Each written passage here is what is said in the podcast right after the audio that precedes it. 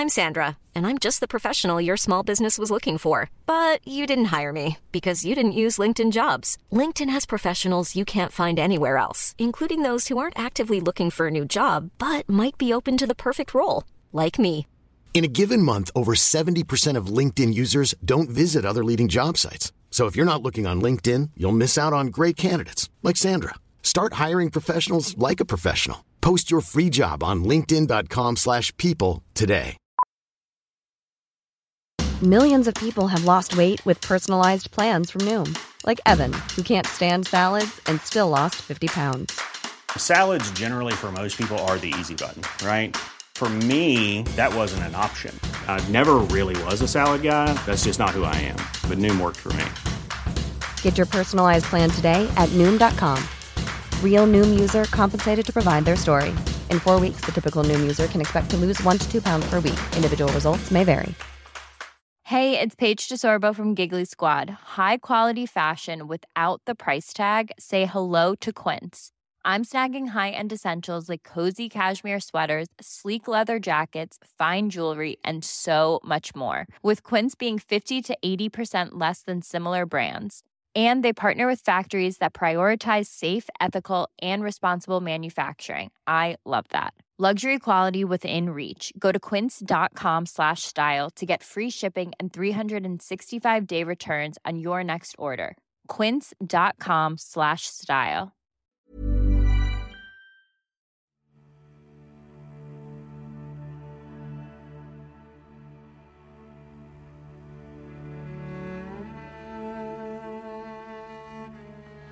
Polisens ledningscentral. Hej, jag åkte norr, E6 norrut här. Det går en eh, totalt svartklädd man eh, på E6 norr om Ljungskile. Jag vet inte om det är något som ni behöver titta på. Ja, det kan vi väl kanske ta och göra om vi har någon ledig patrull bara. Ja, det var ju det. Det är den 14 november 2019. Det är mörkt ute, klockan är runt halv tio på kvällen och en ung man syns gå längs E6 norrut från Ljungskile mot Uddevalla. Flera förbipasserande bilister tycker att det ser farligt ut att gå så där nära vägen och upplever också att den unga mannen beter sig underligt. Såg han ut att eh, gå rakt eller var han påverkad? Ja, han, såg, han såg inte helt normal ut tycker inte jag. Han hade ju armarna rätt ut du vet och grejer. Och, ja, det såg inte Ja, helt ja, normalt okej. ut. Den unga mannen är mörkklädd men saknar jacka och går med armarna utsträckta. Som om han svävar fram. Kanske ingen mer som har sett han. Han var väldigt man- Jag hajade till bara. Där gick någon bara. Uh. Ja. Ja. Nej, men det är gott. hörru. Vi tar ett Ja, eh, okej. kik där ifall det behövs. Jajamän. Ja, men. Ja, bra, bra. Tack. Hej. Hej då. Den här mannen är den då 22-åriga Tishko. Han har tidigare under kvällen lämnat sin lägenhet i Uddevalla som han delade med sin fem år yngre flickvän Vilma. Vid den här aktuella tidpunkten ligger Vilma avliden i lägenheten i sitt eget blod efter att ha utsatts för upprepat trubbigt våld. Men det kommer att dröja innan det här uppdagas och Tishko kommer hinna göra sig av med Vilmas kropp. När han senare anhålls misstänkt för mord nekar han till att överhuvudtaget ha någonting med Vilmas död att göra. Men den tekniska bevisningen mot honom kommer att visa sig bli omfattande. Svartsjuka, bråk och kontroll. Grandiositet, brist på empati och narcissistiska drag. Uppåt tusen personer deltog under lördagen i de Över hundra beslag i mordutredningen om 17-åriga Vilma Andersson. Mitt namn är Nils Bergman. Du lyssnar på Rättegångspodden och på den första av fyra delar om fallet Vilma. Idag kommer vi få veta vad åklagaren menar hände med 17-åriga Vilma Andersson. För idag kommer åtal att väckas mot hennes misstänkta mördare. Åtalet innehåller detaljer som ska visa att pojkvännen dödat Vilma Andersson med trubbigt våld, delat kroppen i deras bostad och lagt en kroppsdel i en resväska som också innehöll kläder, gosedjur och en träskylt med pojkvännens namn på.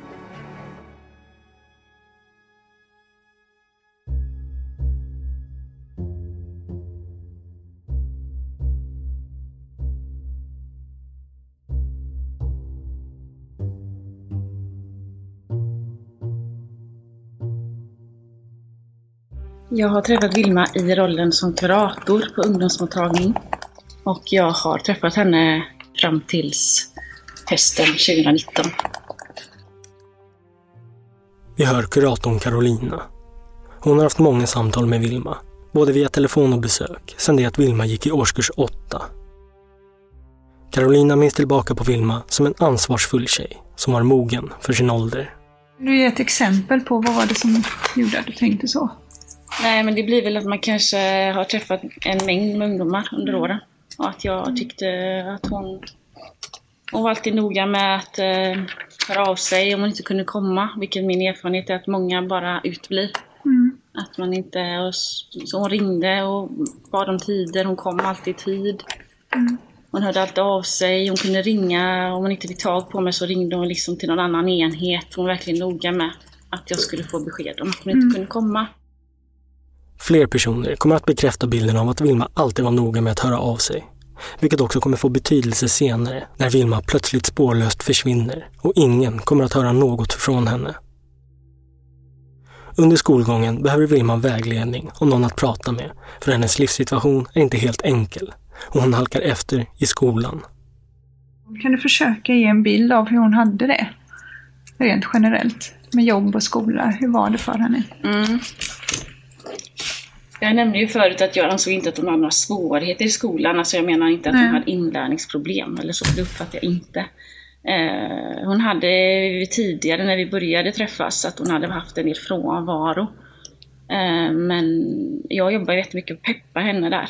Att hon skulle orka liksom. Och, eh, hon hade, hon, I början så så tog hon ju tillbaka det och var mycket i skolan och var noga med, hon ville nästan inte ha något samtal under dagtid hos mig för att hon ville komma till skolan. Vilma strävar efter att göra bra ifrån sig i skolan. Men det är familjesituationen som hon upplever som kämpig. Hennes föräldrar är skilda och de har enligt Vilmas äldre syster inte pratat med varandra på 17 år. Och de bor långt ifrån varandra. Därför blir det så att Vilma under en period bor hemma hos systern som försörjer henne. Kunde hon bo? Hade hon möjlighet att bo hos sina... Nej, in, alltså hon... Så som jag har fått till mig är att hon ville inte bo hos sin pappa. Hon kunde inte, fick inte bo hos sin mamma. Under samtalen med Vilma ser kuratorn Carolina tecken på att Vilma ofta tycks ta på sig skulden för saker som egentligen inte är hennes fel. Ja, det kunde ju vara olika saker där hon gärna liksom, ja men det kanske var jag som inte var, gjorde rätt eller kanske inte var, kanske var jag som eh, gjorde fel. Jag kanske borde ha gjort sådär. Men eh, eh, några bra exempel. Eh, Men jag tänker mig, i vilka relationer kunde hon ge den uppfattningen eller den... vad sa du? I vilka relationer gav hon den bilden att hon tog Ja, på sig? ja, men det var ju framförallt i, i eh, kontakten med familjen. Mm. Framförallt det. Mm. Men också som jag nämnde då i slutet där med pojkvännen, att hon... eh, Min uppfattning var att hon kanske tog på sig skulden för något som inte var hennes. Mm. Vilmas familjesituation må vara svår. Men det största problemet i Vilmas liv kommer bli det förhållande som hon inleder med den fem år äldre Tishko, när Vilma endast är 15 år gammal. Vilma och Tishko blir tillsammans under hösten 2017 och det blir ett mardrömslikt och mycket förvirrande förhållande för den unga Vilma. Ett förhållande som även kommer leda till hennes död. Hur hade Vilma det med vänner? Har du någon uppfattning om det? Ja, hon hade ju vänner eh, hela tiden. Eh, kanske inte några mängder, men Nej. hade ju vänner liksom. Eh, Har hon beskrivit eh, vilka hon hade? Har du någon uppfattning? ja, hon nämnde väl framförallt ett par namn på vänner. Minns du någon? Även det var en tjej som hette Alba. Ja, ja, ja. Vi har ju varit, vi har i princip suttit ihop hela vår uppväxt, alltid varit med varandra. Alba var en av Vilmas nära vänner. Henne anförtror sig Vilmålt då hon upplever svårigheter i livet. När, alltså hon är någon av de, liksom, de självsäkraste, starkaste personerna jag känner, har liksom känt Mm. någonsin. Och hon, är, hon har aldrig varit den personen som skulle liksom sänka sig. Men det, har, alltså det hände under den här relationen. Att hennes personlighet förmindrades, eller förminskades menar jag. Mm. Liksom hon blev liksom mindre i allting. Ganska snart in i förhöret med Alba tar hon upp förhållandet Vilma hade med Tishko som hon ansåg var destruktivt. Och den här pojkvännen Tishko kom till Sverige som åttaåring från den kurdiska delen av Irak och växte upp i Sverige med sin pappa och hans fru, som då inte är Tishkos biologiska mamma. Den biologiska mamman blev kvar i Kurdistan och Tishkos uppväxt har beskrivits som instabil. Hans pappa har i perioder mått mycket dåligt och Tishko har då tvingats bo hos släktingar. Och han får tidigt kontakt med BUP och socialtjänsten. Och Tishko beskrivs av personer som känt honom som mycket bestämd och målmedveten. Han tycker om cannabis och hash och att argumentera. Och han ska alltid ha rätt i argumentationerna han för. Vid tiden då han träffar Vilma arbetar han som timanställd på hemtjänsten. 2018 flyttar han in i en tvåa på Göteborgsvägen 23C i Uddevalla och Vilma väljer att flytta in hos honom. Enligt Vilmas kompis Alba dröjer det inte länge innan Vilma tycks bli kontrollerad av Tishko. Men alltså jag vet ju att eh, det var väldigt mycket, alltså det var ju kontroll från hans håll på henne. Eh, det var liksom vad gör du, var är du, alltså sånt. Det var det ju absolut och sen så var det, vet jag att eh, det var den här snapkartan på, sen så vet jag inte riktigt Alba beskriver bland annat att Tishko uppmanat Vilma att ha GPS-funktionen i Snapchat på, så att han kan ha koll på var hon befinner sig. Utöver det tycker Alba även att det är ovanligt bråkigt mellan dem. Men det kunde vara väldigt mycket, liksom, vad ska jag säga, alltså nedtryckande. Mm. Från eh, hans sida liksom. Mm. Kunde jag reagera på ganska mycket. Väldigt ofta, väldigt mycket så kanske stora bråk för små saker liksom. Väldigt ja, så liksom, vad ska jag säga, en... Det var liksom saker som inte var nödvändiga att bråka om, om man ska mm. säga så liksom. På fråga från en av de två åklagarna i det här fallet, Jim Westerberg, om hur Vilma beskrivit de här bråken, så minns Alba specifikt att Vilma berättat hur Tishko brukade gå upp väldigt nära hennes ansikte. Upp i ansiktet liksom och väldigt ofta händer det liksom att han säger till liksom hur hon ska vara och bete sig väldigt ofta. Mm. Eh, mycket så liksom att du ska bete dig så här och du ska göra så. Har hon berättat för mig och det tycker hon är ganska obehagligt just det här att han har gått väldigt nära upp i ansiktet mm. och sånt. Och hur skulle du beskriva vänskapen du och Vilma hade? Jättebra. Jättebra. Alltså en viktig, viktig del av mitt liv. Mm. Vi hör Malin, som också var en av Vilmas närmsta vänner.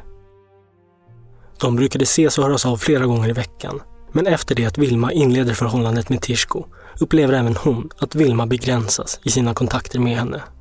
Vad var det han gjorde? Nej men typ, alltså det började typ med att så här, hon inte kunde skriva någonting till mig. Eh, för att hon var rädd att han skulle se det. Mm. Och typ ta hennes telefon och låtsas vara hon. Så jag kunde aldrig så skriva till henne typ Alltså hur mår du, vad har hänt? Hon kunde inte säga, alltså hon sa alltid så här, det är bra. För att hon kunde inte säga mm. någonting. Även Malin upplever förhållandet som stormigt och bråkigt. Och Vilma ringer flera gånger upp henne, förtvivlad, efter att ha bråkat med Tishko. Alltså vi pratade ju mycket liksom. Mm. Och sen när de bråkade, hon blev ju, alltså hon gick ju ner sig. Hon blev jätteledsen. Mm. Och det är ju klart, man blir ju ledsen liksom. Hon, alltså hon brydde sig verkligen om deras relation. Alltså mer än något. Mm. Alltså hon är en jätte, jätteomtänksam människa. Um, så det är klart, hon, alltså så här, vanliga bråk. Hon var ledsen mm. liksom. Mm. Men alltså så här, sen så blev det ju värre. Alltså det finns ju ett sunt sätt att bråka mm. om man säger så. Sen så gick det liksom till att bli skadligt. Ja, eller liksom, ja, det har varit väldigt, har eskalerat i slutet i alla fall väldigt mycket. Mm. Eh, det är väldigt mycket svartsjuka och så från hans håll va.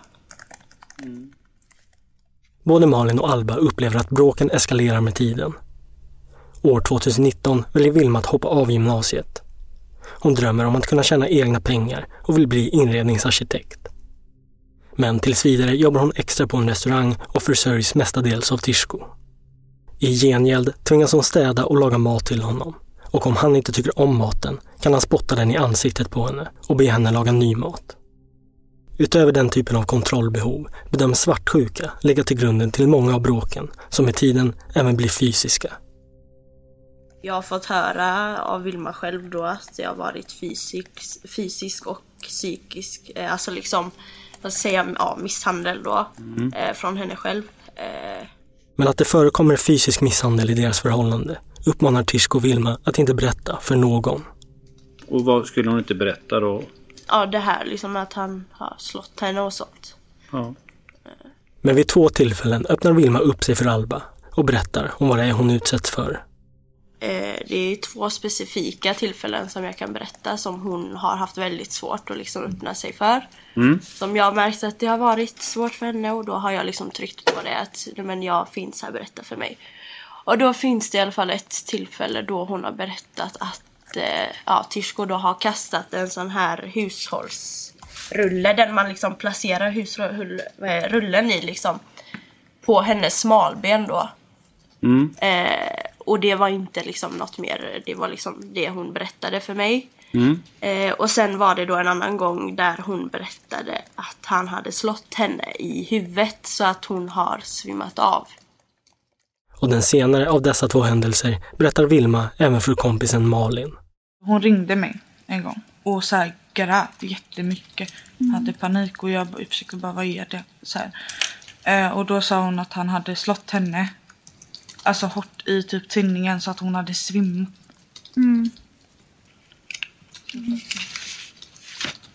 Och hur mådde hon när hon berättade? Vad hade hon för sinnesstämning när hon berättade om det här? Hon var jätte... Alltså jätte, jätte, jätte, jätteledsen. Hon hade liksom panik. Mm. Ehm, och så- och hon mådde jättedåligt. Mm. Ehm, ja. Mm.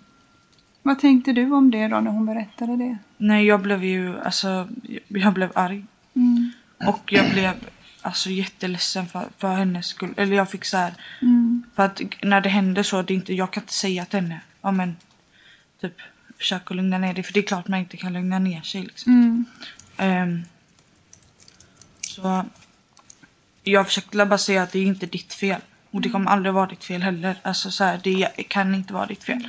För hon försökte typ säga men jag kanske gjorde något. Och jag bara men det är inte okej. Mm. Alltså så här, man gör inte så. Punkt slut. Mm. Alltså, ja. De här uppgifterna oroar kompisarna ordentligt och de tar det på stort allvar. De sträcker ut en hand och säger att de finns där om hon behöver hjälp att ta det hela vidare. Men Vilma håller sig kvar i förhållandet med Tishko. Trots allting så är hon väldigt kär. Den andra åklagaren i det här fallet, Sharzad Rahimi, frågar Malin om det finns någon möjlighet att Vilma skulle kunna hitta på någonting om det våld hon berättat om. Vadå? Kunde hon ha hittat på det eller vad tänkte du om det? Aldrig, aldrig. Hon skulle aldrig göra det. Man, man märker om någon ringer dig i alltså, ren och skär panik. Man märker man kan inte ljuga ihop sånt där. Skulle aldrig hända heller. Alltså hon har ingen anledning att göra det. Nej. Har hon berättat om någon annan gång det förekommit våld? Hur? Inte så här, inte, inte, jag vet inte om man ska, hur man ska definiera våld men inte liksom slåss. Nej. Det har inte varit sånt. Det har varit alltså typ, jag vet bara att han typ spottar på henne. Mm. Eller något, eller så här, det var något med hon gjorde mat och han tyckte den var äcklig. Jag kommer inte riktigt ihåg men det var något sånt. Okej. Och Mm. typ att han kastar grejer på henne. Okej. Den person som utsätts till att försvara Tishko är advokaten Beatrice Remsell. Hon vill veta om kuratorn Carolina någon gång hört Vilma prata om att hon utsatts för våld av Tishko. Vad fick du för besked på den punkten? Inte, inte våld fysiskt, men jag har ju tänkt på det lite i efterhand. Att hon berättade om saker som kanske jag kan tycka är nedvärderande. Eller Mm. kanske åt psykisk misshandel. Psykisk misshandel har kuratorn fått indikationer om att Vilma kan ha utsatts för. Men Vilma har inte för henne berättat någonting om fysisk misshandel. Men att det också skulle kunna ha sin förklaring. Man ska också veta att Vilma var, jag tycker, en klok tjej. Hon visste att jag är tvungen att anmäla till socialtjänsten om det förekommer, om jag misstänker våld. Hon visste, tror jag, att om jag säger saker så måste jag anmäla det. Och det ville inte Vilma. Hade ni den diskussionen någon gång? Nej, det är vad jag tror att hon satt och tänkte. Mm. Mm. Men hon har ju aldrig nämnt våld eller att hon varit utsatt för våld eh, från pojkvännens sida. Förstår jag det rätt då? Inte fysiskt våld, nej. Nej. nej. Eh, och därför vill jag fråga dig, har du någon gång känt någon oro för att Vilma skulle ha varit utsatt för våld?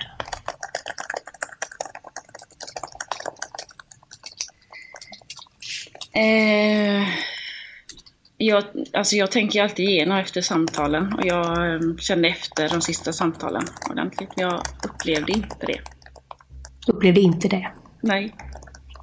På grund av att jag tyckte hon var väldigt ansvarsfull.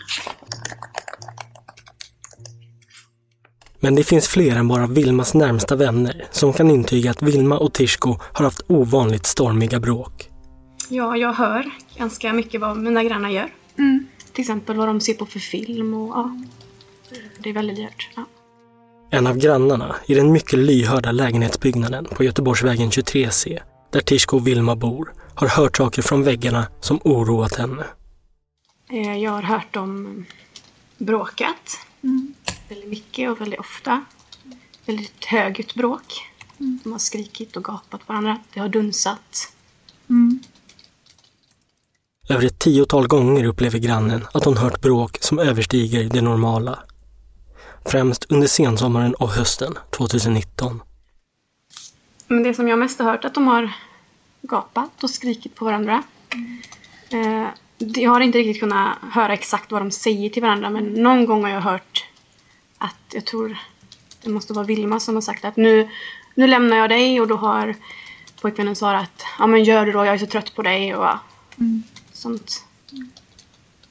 Har det någonsin de här bråken föranlett att du vidtar någon åtgärd, ringer någonstans? Nej, jag har inte gjort det. Nej.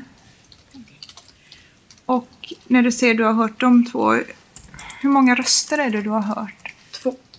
Du är säker på det? Jag har hört det så ofta så ja. Mm. Så sa du att du hade hört dunsar och så. Kan du beskriva vad det är då du har hört? Så frågan men jag hade hört dunsa liksom och låter som, jag vet inte om man kastar någonting eller om det händer något. Jag vet inte. Det är, Eller om dunsar det händer är inte, något. Det är Ja. inte bara gap och skrik utan det är, ja, det är något annat ljud. Kan du försöka beskriva vad det kan ha varit? Vad har du tänkt? Jag har tänkt att oj, slog han henne nu? Alltså så har jag Mm. upplevt det men det inte jag säkert. Okej. Men dunsar och någonting som du har tolkat? Mm. Precis. Hur länge har det här pågått ungefär enligt din uppfattning som du har? Ett halvår, ett år i alla fall, något sånt. Under oktober månad 2019 kulminerar bråken mellan Vilma och Tishko. Vi hör kompisen Alba. Eh, då senare i oktober så är det väl... Eh, då är det ett bråk. Berätta om det. Eh, det bråket var... Eh, det var så här att jag och Vilma vi pratade på telefon. Eh, sen skulle jag gå upp och äta. Jag kom ner och då hörde jag att det var ett bråk som pågick. Eh, då så försökte jag ju då prata men hon hade ju lagt telefonen, den var lite långt bort så hon hörde ju liksom inte mig då. Men då tänkte jag, men jag väntar liksom då tills bråket är över och då hörde jag hur eh, ja, Tishko då liksom alltså, skrek på henne och hon grät och jag visste ju inte någonting då för jag hade ju varit borta. Eh, och jag kommer ihåg att han sa jättemånga gånger typ du har förstört allting Vilma och du ska bete dig exakt så som jag, alltså som den perfektaste och snällaste flickvännen och jag kommer ihåg de orden jätte, jättenoga. Att det var väldigt många gånger det, de meningarna specifikt, du har förstört allting. Eh, och, Du, du har förstört allting Vilma och, och du ska... bete dig exakt som den perfektaste och snällaste flickvännen framför andra. Mm. Och då grät Vilma då i det här tillfället? Ja. Just det här bråket sticker ut eftersom det den här gången verkar få allvarliga konsekvenser. Sen efteråt så tog det en stund och hon ringde ut. Så jag tänkte liksom inte så mycket på det. Men hon ringer liksom när det är klart. Eh, sen så fick jag liksom ett sms. Jag kommer inte specifikt exakt ihåg hur det ledde. Men det var liksom typ att ja, jag mår så dåligt och han bryr sig inte om mig alls. Han skiter i mig och så. Och ja, det var något specifikt sånt. Eh, och sen så eh, ringer hon upp, eller jag ringer upp. Vi pratar i alla fall senare. Och då berättar hon att att liksom ja, hon hade gått upp på vinden och alltså det här vet jag ju inte liksom och att ja att hon hade liksom försökt med något eh, mot sig själv men alltså ja i alla fall och men det var liksom så här hon det hände liksom ingenting. Hon bara, det var liksom hennes tankar typ eller något sånt. Mm. Eh, och sen så då hade, så sa hon till mig att eh, Tishko hade sagt att hon liksom skulle ut ur lägenheten. Att hon inte fick vara där liksom en natt till. Eh, och då kommer jag ihåg att hennes pappa skulle hämta henne och då har jag för mig att han egentligen skulle hämta henne på morgondagen men då Tishko sa att det gick inte. Så att han skulle köra henne, att Vilmas pappa skulle köra henne direkt då. Så då kom hon till mig och var hos mig ett tag. Vilma insinuerar alltså för Alba att hon försökt skada sig själv uppe på vinden. Eventuellt försökt hänga sig. Men uppgifterna kring det här är oklara. När Vilma efter det här bråket beslutar sig för att tillfälligt bo hos Alba och hennes familj syns inga skador på Vilma och hon tycks motvillig till att prata om vad som eventuellt skulle ha hänt uppe på vinden. Hon var ju jätteledsen. Ja. Jätteförkrossad. Men att Vilma är enormt ledsen när hon flyttar in hos Alba står klart. Vi hör Albas mamma Ingrid. Vi pratade ju som sagt väldigt, väldigt mycket och eh, hon hade, fick ju inte bo kvar i lägenheten eh, för att eh, hon... Att Tishko ville inte det helt enkelt. Och eh, hon ville ju bara bli tillsammans med honom igen för att han hade gjort slut. Ja. Eh, Så det var väl egentligen det vi pratade om att eh, och sen så mådde hon dåligt och hon, hon kände att hon, eh, vad heter det, längtade efter honom. Vilma bor hos Albas familj i nästan en vecka och Ingrid får många tillfällen att sätta sig ner med Vilma och prata. Alltså hon är väldigt stark, nu pratar jag om är, för för mig är hon fortfarande. Mm. Väldigt stark person, eh, som även min dotter är. De är ju de är väldigt lika i sättet. Så. Ja. Och eh, jag är förvånad över att hon hade blivit så osäker. Ja. För henne sätter man sig inte på, i min uppfattning. Mm. Eh, så. Och eh, hon eh, ursäktade sig själv. Tyckte att det var hennes fel. Eh, att, att hon var tvungen och att det var slut. Och att hon kunde ha gjort annorlunda. Och att hon kanske inte skulle käfta emot. Att hon skulle... Alltså att, att, att hon tyckte att hon gjorde fel. För att Tishko har sagt till, till henne att hon gör fel. Ja. Att hon gör på fel sätt. Och hon bråkar och hon liksom Mm. och säger emot helt enkelt. Sen reagerade jag mycket på deras konversation för att det, den fortgick ju genom sms eller eh, meddelanden hela tiden. Ingrid reagerar även på smsen som Vilma får av Tishko om att han nu plötsligt ska åka till USA. Tishko har en stor fascination för Donald Trump och han har tidigare drömt om att få följa valkampanjen. Nu tycks han ha gjort slag i saken och bokat en biljett. Mm. Och då, nu är inte jag jätteintresserad av, av amerikansk politik men för mig lät det väldigt udda. Eh, så, så frågade jag det, har det kommit upp så här bara från ingenstans? Ja, jag visste inte om det innan och han ville att jag skulle åka med egentligen och dit då. Mm. Men jag, jag tror det var så att hon inte fick för pappa eller, eller hur det nu var mamma. Eller, Mm. Det var i alla fall inte aktuellt. Ingrid tycker det hela låter märkligt. Tishko ska tydligen vara borta i ett och ett halvt år, men har enligt Vilma enbart packat en liten kabinväska. Plus att jag fråg, frågade Vilma, ska du inte kolla med hans föräldrar om de vet om vad han ska göra i USA? För jag tycker det här låter jättekonstigt. Så då ringer hon, för hon hade god kontakt och jag förstod med, med mamma och även pappa, men framförallt mamma. Så då ringer hon henne och det hör jag ju när hon gör. Och då så säger hon, om jag förstod det hela rätt, att hon inte visste om detta. Vem visste inte om vad? Mamma, okej. att hon skulle åka. Ja. Det vad jag fick informationen om. Mm. Och eh, när de ringer till, och jag förstod det som att de hörde av sig till Tishko, om det var mamma eller pappa, det vet jag inte. Och han hör av sig till Vilma genom meddelande och säger att hon att, är väldigt, väldigt arg för att hon har blandat in hans föräldrar i detta. På vilket sätt eh, såg du det eller hörde du det? Eh, ja, hon visade mig meddelandena. Vad stod det ungefär där och minns du detta? När du ska ge fan i att eller, blanda in, alltså någonting sånt. Eh, exakt vad det stod vet jag inte, men, men att det var en ilska bakom, det förstod jag ju. Ja, det är ju då det här med den här eh, USA-resan då Mm. som händer. Trots att Vilma och Tishko nu har gjort slut så har de fortsatt kontakt med varandra över sms och Snapchat. Alba är med Vilma då Tishko skriver att han är på väg till USA. Ja, han ska åka dit och hon är fortsatt, fortfarande hos mig. Men så kommer jag ihåg att hon ville, hon skulle, hon ville fortsätta bo hos han då medan han var borta. Och då ringde hon och frågade det och då sa han eh, gör vad fan du vill och typ klickade i princip. Mm. Och sen, men det var liksom slut och sen helt plötsligt så åkte han inte till USA. Och eh, då helt plötsligt så ville han eh, liksom, då var det helt plötsligt okej liksom att hon skulle komma tillbaka. Tishko var vid den här tiden faktiskt på väg till USA, men stoppades på Arlanda efter att det framkom att han uppgett oriktiga uppgifter i visumet. Det här tar hårt på Tishko, som blir mycket besviken över att få vända och åka tillbaka hem igen. Tishko och Vilma fortsätter ha kontakt med varandra och Albas mamma Ingrid reagerar på Tishkos nedlåtande attityd. Något annat som du eh, reagerar på? Ja, Eller jag reagerar ju väldigt mycket på nedvärderande grejer eftersom det ligger mig väldigt, Ja. liksom, jag tycker väldigt illa om det. Ja. Eh, och då var det ju bland annat det här med att eh, han skrev vet din plats.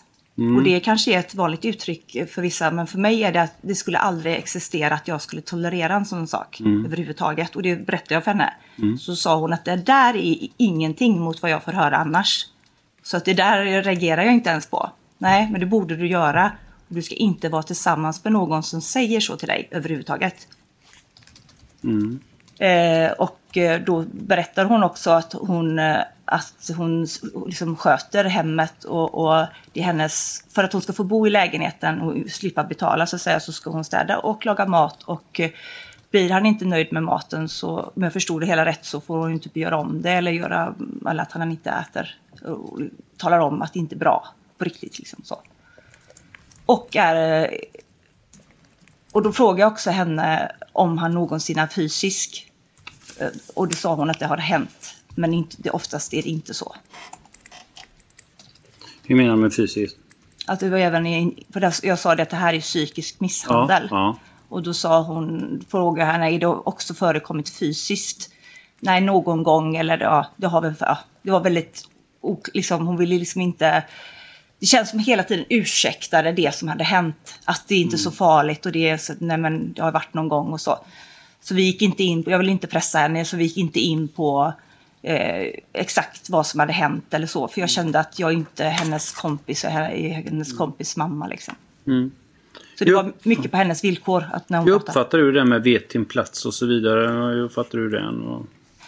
Alltså för mig är det liksom, det existerar inte att man säger, okej man kan tycka att det är ett roligt skämt eller så, men, men eh, i och med att jag, eh, att jag såg de andra meddelanden, hur de var skrivna med, med mycket förakt och, och väldigt mycket ilska, för att de var ju ovänner upp, uppenbarligen också samtidigt, så är vet din plats inte något positivt utan det är eh, nedtryckande och oerhört provocerande.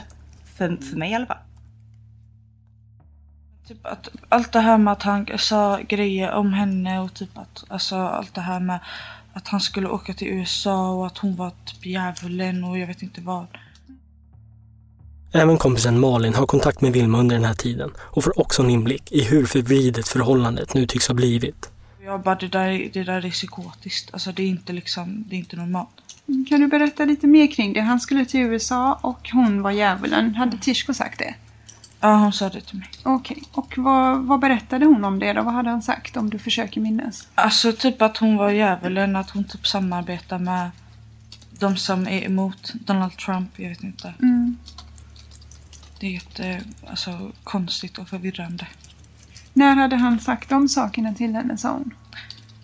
Typ nära inpå. Det började liksom på hösten och det blev liksom jätte, alltså det blev liksom värre. Eller så här, det blev extremt.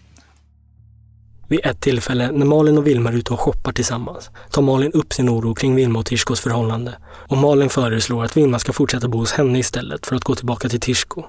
Och jag sa till henne, du måste det nu för att nu, alltså jag blir rädd. Mm. För att alltså jag, alltså, jag blir rädd, jag vet att det är inte normalt, alltså att det här ska hända. Och jag sa till henne, jag, bara, alltså, jag är rädd att det ska hända något med dig. Alltså på riktigt. Och hon bara, nej det kommer det inte göra och sånt här. Mm. Ehm, På kvällen efter den här shoppingturen talas de vid över telefon och Vilma öppnade upp sig mer om hur hon själv tänker kring förhållandet. Hon bara, jag känner att jag har typ tappat mina känslor lite. Ehm, hon, visste ju också att hon skulle vara jätteledsen. Mm. Men hon insåg liksom att det var bättre för, för henne själv. Mm. Okej. Och vad tänkte du om det när hon sa så? Jag blev jätteglad. Mm. För att hon hela tiden hon förnekade, eller så förnekade. Mm. Typ att hon tyckte det var jobbigt i början och sen så vart det liksom att hon verkligen hon, hon eh, typ förlorade respekten för sig själv. Och hon typ alltså gick, alltså gick med på allt liksom för att det, man gör så om man är i en våldsrelation. Det är inte konstigt. Mm. Ehm, men jag blev i alla fall jätteglad att hon hade kommit till insikt och sånt där. Det bestäms att Vilma ska komma till Malin torsdagen den 14 och sova över hos henne minst en natt. Det är nu Vilma själv som lyft tankarna på att göra slut med Tishko, vilket är ovanligt. Det har inte tidigare hänt att det är hon som har tagit det beslutet. Vi hör Alba. Hur menar du då? Att, eh, Alltså när de har bråkat Ja. så det är inte Vilma som liksom brukar avsluta utan det är oftast Tishko som brukar avsluta om de ja, i Okej. en relation. Mm, så när, när hon sa att Vilma hade gjort slut så blev du... Ja, jag blev lite chockad för det kändes, det var inte rätt liksom för det, det brukar aldrig, det har liksom inte hänt. Men Vilma kommer aldrig dyka upp hos Malin den här torsdagen. Det är den här torsdagen som man befarar är dagen då Vilma mister sitt liv. Ingen kommer att höra någonting från Vilma efter klockan 17.03 på torsdag eftermiddagen då Vilma ringer ett kort samtal till sin mamma. Då tycktes ingenting vara onormalt. Men en dryg timme efter det samtalet kommer grannarna i den lyhörda lägenhetsbyggnaden att reagera på bråk och gälla kvinnoskrik. Jag satt och blev lite halvsur ska man väl säga för jag jobbar natten eh, och eh, brukar sova ett par timmar före jag går till jobbet. Grannen Göran är vid 18-tiden på torsdagen på väg att ta en tupplur i några timmar eftersom han jobbar natt. Men han hör tumult från lägenheten ovanför som bara tycks bli värre och värre. Eh, Att, att de blev aggressivare då, om man säger så då. Ja. Aggressivare och... Ja, alltså aggressiva som om, alltså när man inte är överens utan är ett bråk helt enkelt. Mm. Så att det är röster som, som skriker Ja. på varandra, Yes. uppfattar jag det så? Ja. Hör du, hör du en manlig? Ja, en, en, ma- en manlig och en kvinnlig röst i det. Ja. Göran tycker sig också vid något tillfälle höra kraftiga dunsar. Ja, alltså det lät som det ramlade socker i, alltså som kastade socker i alltså golvet eller väggen eller vad Ja, man... golvet till väggen. Ja. Det lät så i alla fall. Eftersom bråket eskalerar och Göran inser att han inte kommer kunna somna bestämmer han sig för att gå upp och knacka på. Men hinner bara gå ut i trapphuset innan han hör ett skrik. Jag hade somnat och eh, min dotter och min son väcker mig i förskräckelse, att, livrädda, att det är någon som skriker. There's never been a faster or easier way to start your weight loss journey than with PlushCare. PlushCare accepts most insurance plans and gives you online access to board-certified physicians who can prescribe FDA-approved weight loss medications like Wigovi and Zepbound for those who qualify. Take charge of your health and speak with a board-certified physician about a weight loss plan that's right for you. Get started today at plushcare.com slash weight loss. That's plushcare.com slash weight loss. plushcare.com slash weight loss. Millions of people have lost weight with personalized plans from Noom, like Evan, who can't stand salads and still lost 50 pounds. Salads, generally, for most people, are the easy button, right? For me, that wasn't an option. I never really was a salad guy. That's just not who I am. But Noom worked for me. Get your personalized plan today at Noom.com. Real Noom user compensated to provide their story. In four weeks, the typical Noom user can expect to lose one to two pounds per week. Individual results may vary. I'm Sandra, and I'm just the professional your small business was looking for. But you didn't hire me because you didn't use LinkedIn jobs. LinkedIn has professionals you can't find anywhere else, including those who aren't actively looking for a new job but might be open to the perfect role, like me. In a given month, over 70% of LinkedIn users don't visit other leading job sites. So if you're not looking on LinkedIn, you'll miss out on great candidates like Sandra. Start hiring professionals like a professional. Post your free job on linkedin.com/people today.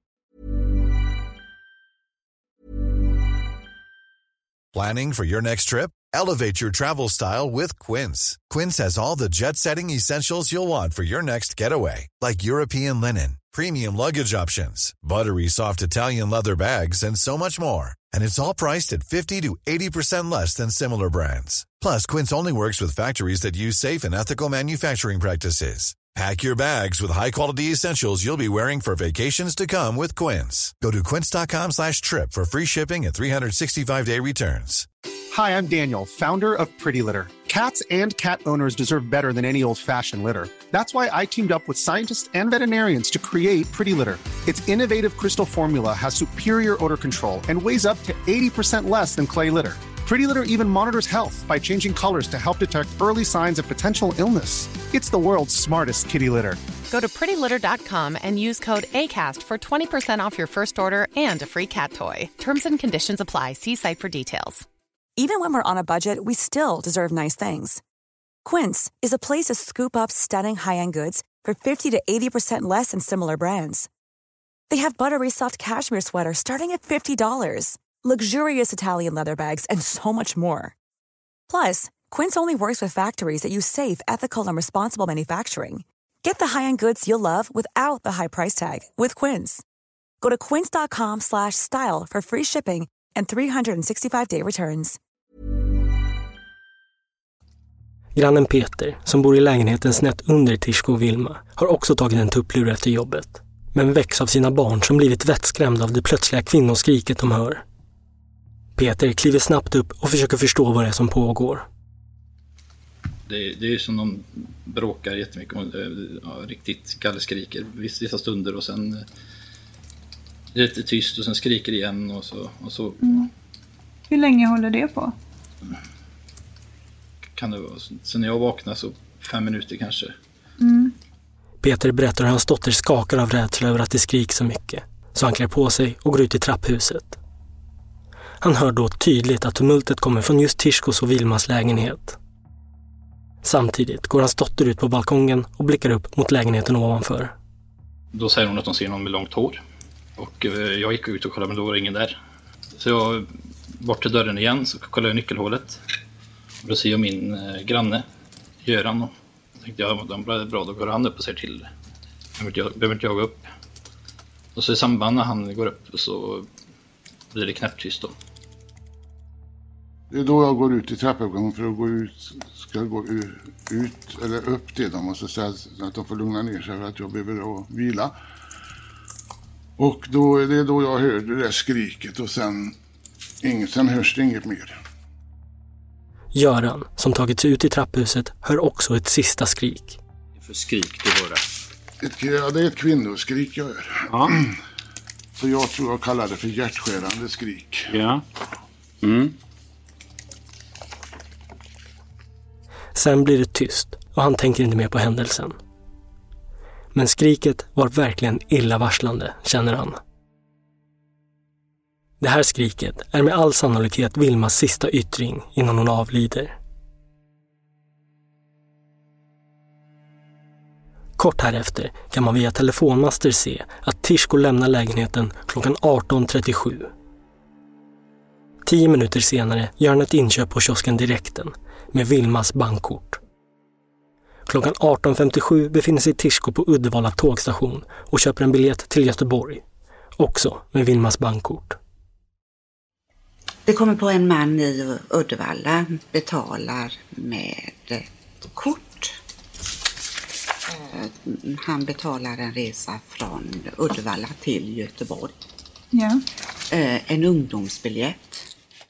Vi hör tågvärden Marianne. Hon har aldrig tidigare mött Tishko, men minns mötet med honom den här kvällen. Hon tyckte att han såg ung ut och har inga invändningar kring att han köpte en ungdomsbiljett, trots att han vid den här tiden var över 20 år. Han satt längst in till fönstret, knöddes upp mot fönstret, eh, hade lite bylsiga kläder, eh, var inte intresserad av att prata med mig. Mm. Eh, han hade fin hy, Mm. snyggt stylad lugg. Mm. Jag har varit frisör i 40 år innan så att det var vad jag observerade. Sen var det inga konstigheter med honom. Det var inga andra personer runt omkring honom i vagnen och Marians intryck var att han verkade vilja vara för sig själv. Antingen var han väldigt trött eller så var han väldigt avvisande. Mm. Han ville att jag skulle gå därifrån. Mm. Och, och, och så, den här människan som jag har sett har gjort rätt för sig på alla sätt. Och, Mm. ja, det fanns ingen anledning för mig att vara kvar där. Och han visade tydligt att han ville vara i fred. Marianne minns inte huruvida den här unga mannen bar något eller hade med sig något. Men på fråga om vad det var för kläder som hon uppfattade som bylsiga så tror hon att det bör ha varit hans jacka. Jag kan inte svära på det. Men jag kan känna att det måste ha varit en jacka som blev bylsig.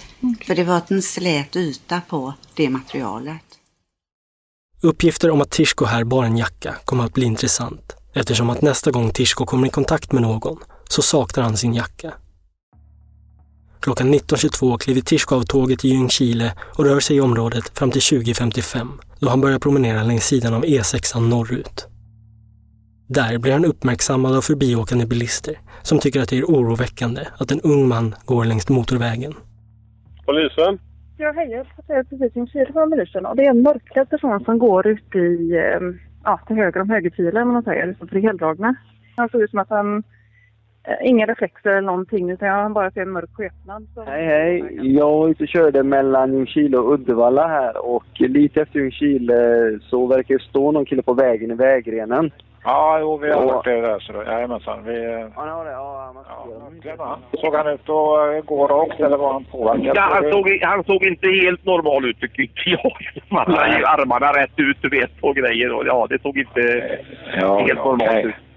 Nej, men du, har vi någon patrull eh, runt uh, trakterna här så är det klart att vi kikar till. Det var det precis mitt vid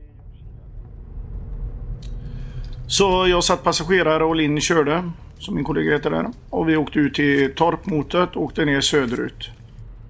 Den polispatrull som skickas ut till platsen för att kontrollera den unga mannen består av Niklas Johansson och hans kollega Linn Torstensson.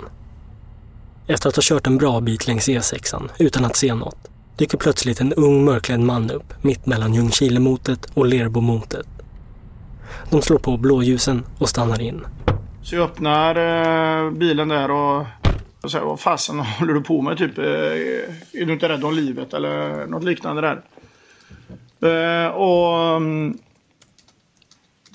och frågar liksom vad han gjorde. Han har inget bra svar eh, direkt där. Men så frågar han vad är det som gör att du ja, går här liksom? Och då berättar han att han hade varit i ett gruff eller bråk i Uddevalla. Eh, på Kungstorget. Med eh, invandrarungdomar. Eh, och som han sa då, det är ju typ mitt folk menar han på då. Och det var gymnasieelever. Sa han. Och eh, på grund av detta då så hade han blivit så upprörd över att han hade blivit utsatt för detta så att han sa till mig att jag, jag mår inte bra över detta så jag hoppade på tåget för att åka söderut och ta ledigt från jobbet för att hälsa på en släkting i några dagar. Sa han då. Och det var ju lite, alltså, lite märkligt för att eh, han hade ju inga skador för att ha varit med i ett slagsmål riktigt så. Eh, han hade ju ingenting som jag kunde se i ansiktet eller någonting. Det enda jag kollade på det var ju jag även kollade på händerna om man är med om man varit i ett slagsmål kanske man själv var i ett. Men jag såg ju ingenting på händerna förutom att han hade som jag kommer ihåg då en eh, liten eh, reva på någon av händerna. Jag är inte eh, riktigt säker. En ganska smal reva skulle jag vilja säga. Eh, han var ju mörkklädd har jag ju sagt och det jag reagerade på också var ju att det var ju ganska kallt ute. Jag kommer inte ihåg något gradantal eller så men han hade ju bara på sig en tunn svart tröja då. Som var lerig. Och den leran eh, sa han ju då att han eh, kom ifrån när han hade legat på Kungstorget där i det där bråket. Det, ja, jag kan säga så här, jag har ju träffat många personer i mina dagar och jag förstod att någonting stämde ju inte riktigt här i hans historia. För det, det, så lerigt är det ju inte uppe på Kungstorget i Uddevalla. Det är ju eh, stenbelagt liksom så att eh, man, jag tror inte man blir riktigt så lerig. Men jag, jag la ingen större... Ja, folk ljuger ju i parti minut för polisen så att det... det, och det, det var, jag, brydde mig inte något större om det. Polisen Niklas får inget trovärdigt intryck av Tishko, som han noterar är lerig, inte bär på någon jacka och har en mindre skada på handen. Men vid det här laget är det ingen som misstänker att något brottsligt har ägt rum. Ja, då har vi fångat upp honom där på uh, motorvägen här. Vi tångade han i bilen när han missade ett tåg. Uh, och så vi förklarat olämpligheten att gå på motorvägen här. Ja, men det låter bra. Jag sätter det som eh, plus en. Klockan är nu strax efter 22 och poliserna tar ID på Tishko, ger honom en tillsägelse och sätter honom i bilen för att skjutsa hem honom. I bilen minns Niklas Tishko som introvert och konstig på något vis. Kanske chockad över det bråk han uppgett att han tidigare varit med om, tänker han. Tishko släpps av i en parkering en bit ifrån hans bostad och klockan 22.30 är han tillbaka i sin lägenhet.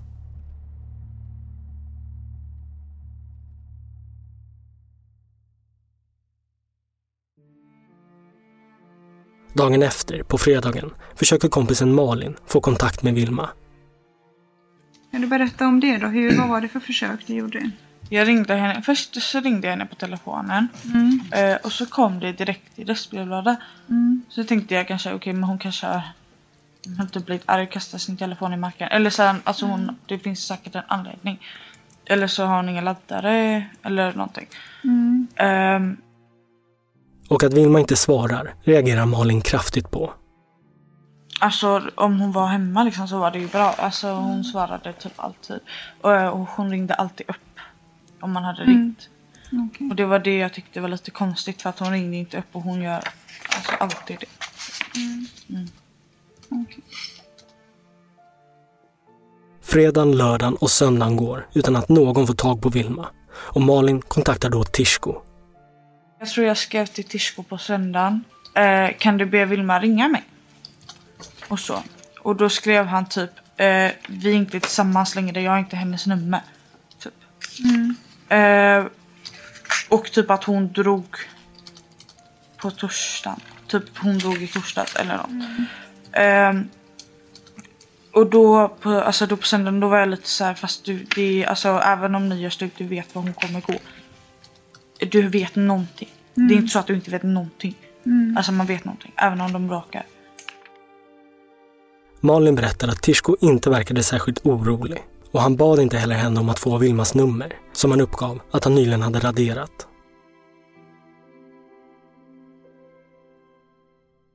Vid den här tiden har även Vilmas anhöriga börjat oroa sig rejält och ringt till polisen och anmält henne försvunnen.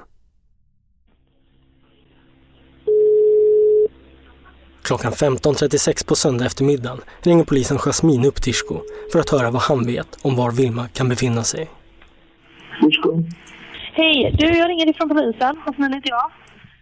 Okej. Hej. Du, vi har en pappa till Vilma Andersson som ringer till oss och är jätteorolig för sin dotter. För att hon inte svarar när han Okej. ringer. Ja. Vet du möjligtvis vart hon finns någonstans? Eh, ja, det- hon är mitt ex. Gjorde slut i torsdags. Jag vet inte vart hon är nu. Du har inte hört något ifrån henne sedan i torsdags? Nej. Nej, okej. Eh, då förstår jag. Hennes telefon är avstängd där nämligen. Så att vi fick ju telefonnummer ifrån där också. Men då vet vi att hon är inte hemma hos dig då i alla fall. Nej, jag har inte raderat hennes nummer faktiskt. Ja, okej. Och du har inte hört någonting från henne i torsdags och hon sa ingenting om vart hon drog någonstans? Nej, vi hade ett stort gräl och så, ja, vi båda grät lite grann och så Ja. gick hon iväg. Så. Ja, okej. Och sen har du inte hört någonting? jag, jag, alltså, jag har ringt mig en massa gånger men jag Ja. inte haft lust att prata med någon om jag ska vara ärlig. Nej. Nej, nej men det är klart och det är ju upp till dig om du vill svara eller inte. Så det är inget konstigt alls. Utan det var mest bara att vi fick ditt telefonnummer och så tänkte vi att det, Nej, du kanske inte orkar prata med hennes pappa. Det kan vi förstå också och därför ringer vi och kollar bara så att hon inte är sitter hemma hos dig eller något sånt där. Då vet vi att hon inte är där så då får vi fortsätta leta helt enkelt. Men skulle du få kontakt med henne där så får du jättegärna ta kontakt skicka ett sms till honom om det är så att hon skulle höra av sig till dig för då hör han av sig till oss för vi har en kontakt med honom där. ja, ja. Är jättebra. Tack det är Tack själv. Tack. Hejdå. En timme senare ringer Jasmin upp Tishko igen. Efter att ha fått uppgifter från Vilmas mamma om att hon kan tänkas vara uppe på vinden. Hej Tishko, det var Jasmine från polisen igen. Ja, ja. Hej. Du, vi fick pratat lite med Vilmas mamma här och hon berättade att det var någon gång som ni hade gjort slut som Vilma hade gått upp på vinden och försökt att hänga sig. Ja, då ringde jag hennes eh, pappa. Ja, Så kom han så kom han och hämtade henne där. Eh, du Ja. har ingen möjlighet att gå upp och kolla på vinden så att det inte är så att hon är där igen? Eh, ja, det kan jag göra. Men jag tror inte att hon hade... Hon var ju arg när hon gick. Hon var arg när hon gick, ja. Tog hon med sig sina grejer eller tog hon bara sin eh, telefon och gick? Hon tog sin handväska, kläder, smink, Ja, hon ja, telefonen. Så hon Ja. tog allting nästan. Men eh, alltså det hon kunde bära. Då. Ja. Nej men det är jättegulligt kan vi utesluta det i alla fall. Ja, det hoppas jag i alla fall inte. Nej, det får vi inte hoppas men det... Jagat runt här och Kan inte pratat. ni... Ja, just det, den var avstängd sa ni. Ja, den är ju det. Vi kan ju inte göra någonting med den telefonen. Vi får inte någon kontakt alls. Hennes vänner och sånt då. Ja, vi har ringt runt bland dem. eh, Eller, eh, hon verkar inte vara någonstans där heller. Jag har gjort slut tusen gånger. Ja. Och den här gången var det något riktigt... Var det du, var det du som gjorde slut? Alltså, gräs, jo, det var jag som fick ta tag i det. Ja. I samtalet hörs det hur Tishko faktiskt verkar bege sig upp på vinden för att leta efter Vilma. Men vid den här tiden är det klarlagt att Vilma är död och en enad tingsrätt kommer finna Tishko skyldig för mordet. Men trots det är Tishko uppe på vinden och letar efter henne och rapporterar tillbaka till polisen att Vilma inte befinner sig där. Nej. Nej, det var tomt där också. Ja, Ja, men det var i alla fall. ja, jag hoppas ni hittar den. Ja, det hoppas vi med. Lite, dramatiskt. Ja, nej, vi får hoppas att hon bara är och surar någonstans. Ja, och Helt kanske är hos någon kille. Hon hotar mig med det massa gånger. Ja. Nej, det, hon har ju säkert vänner som inte hennes mamma och pappa vet om också. Så att, eh, vi hoppas på det helt enkelt. Men vi tackar dig så hemskt mycket för hjälpen så länge. Tack. Tack, hej.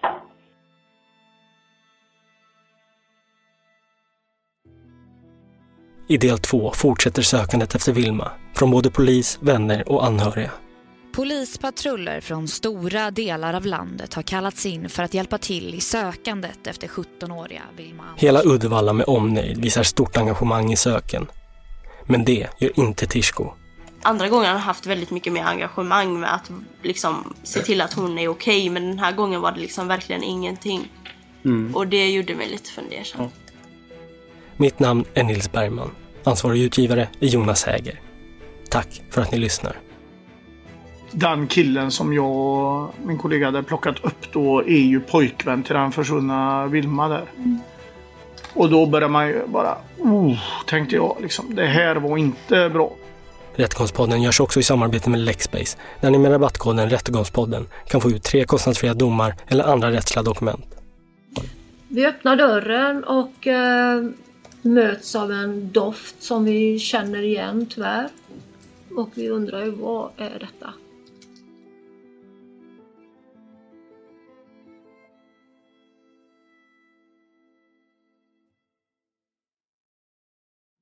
Rättegångspodden är en Tall Tale produktion.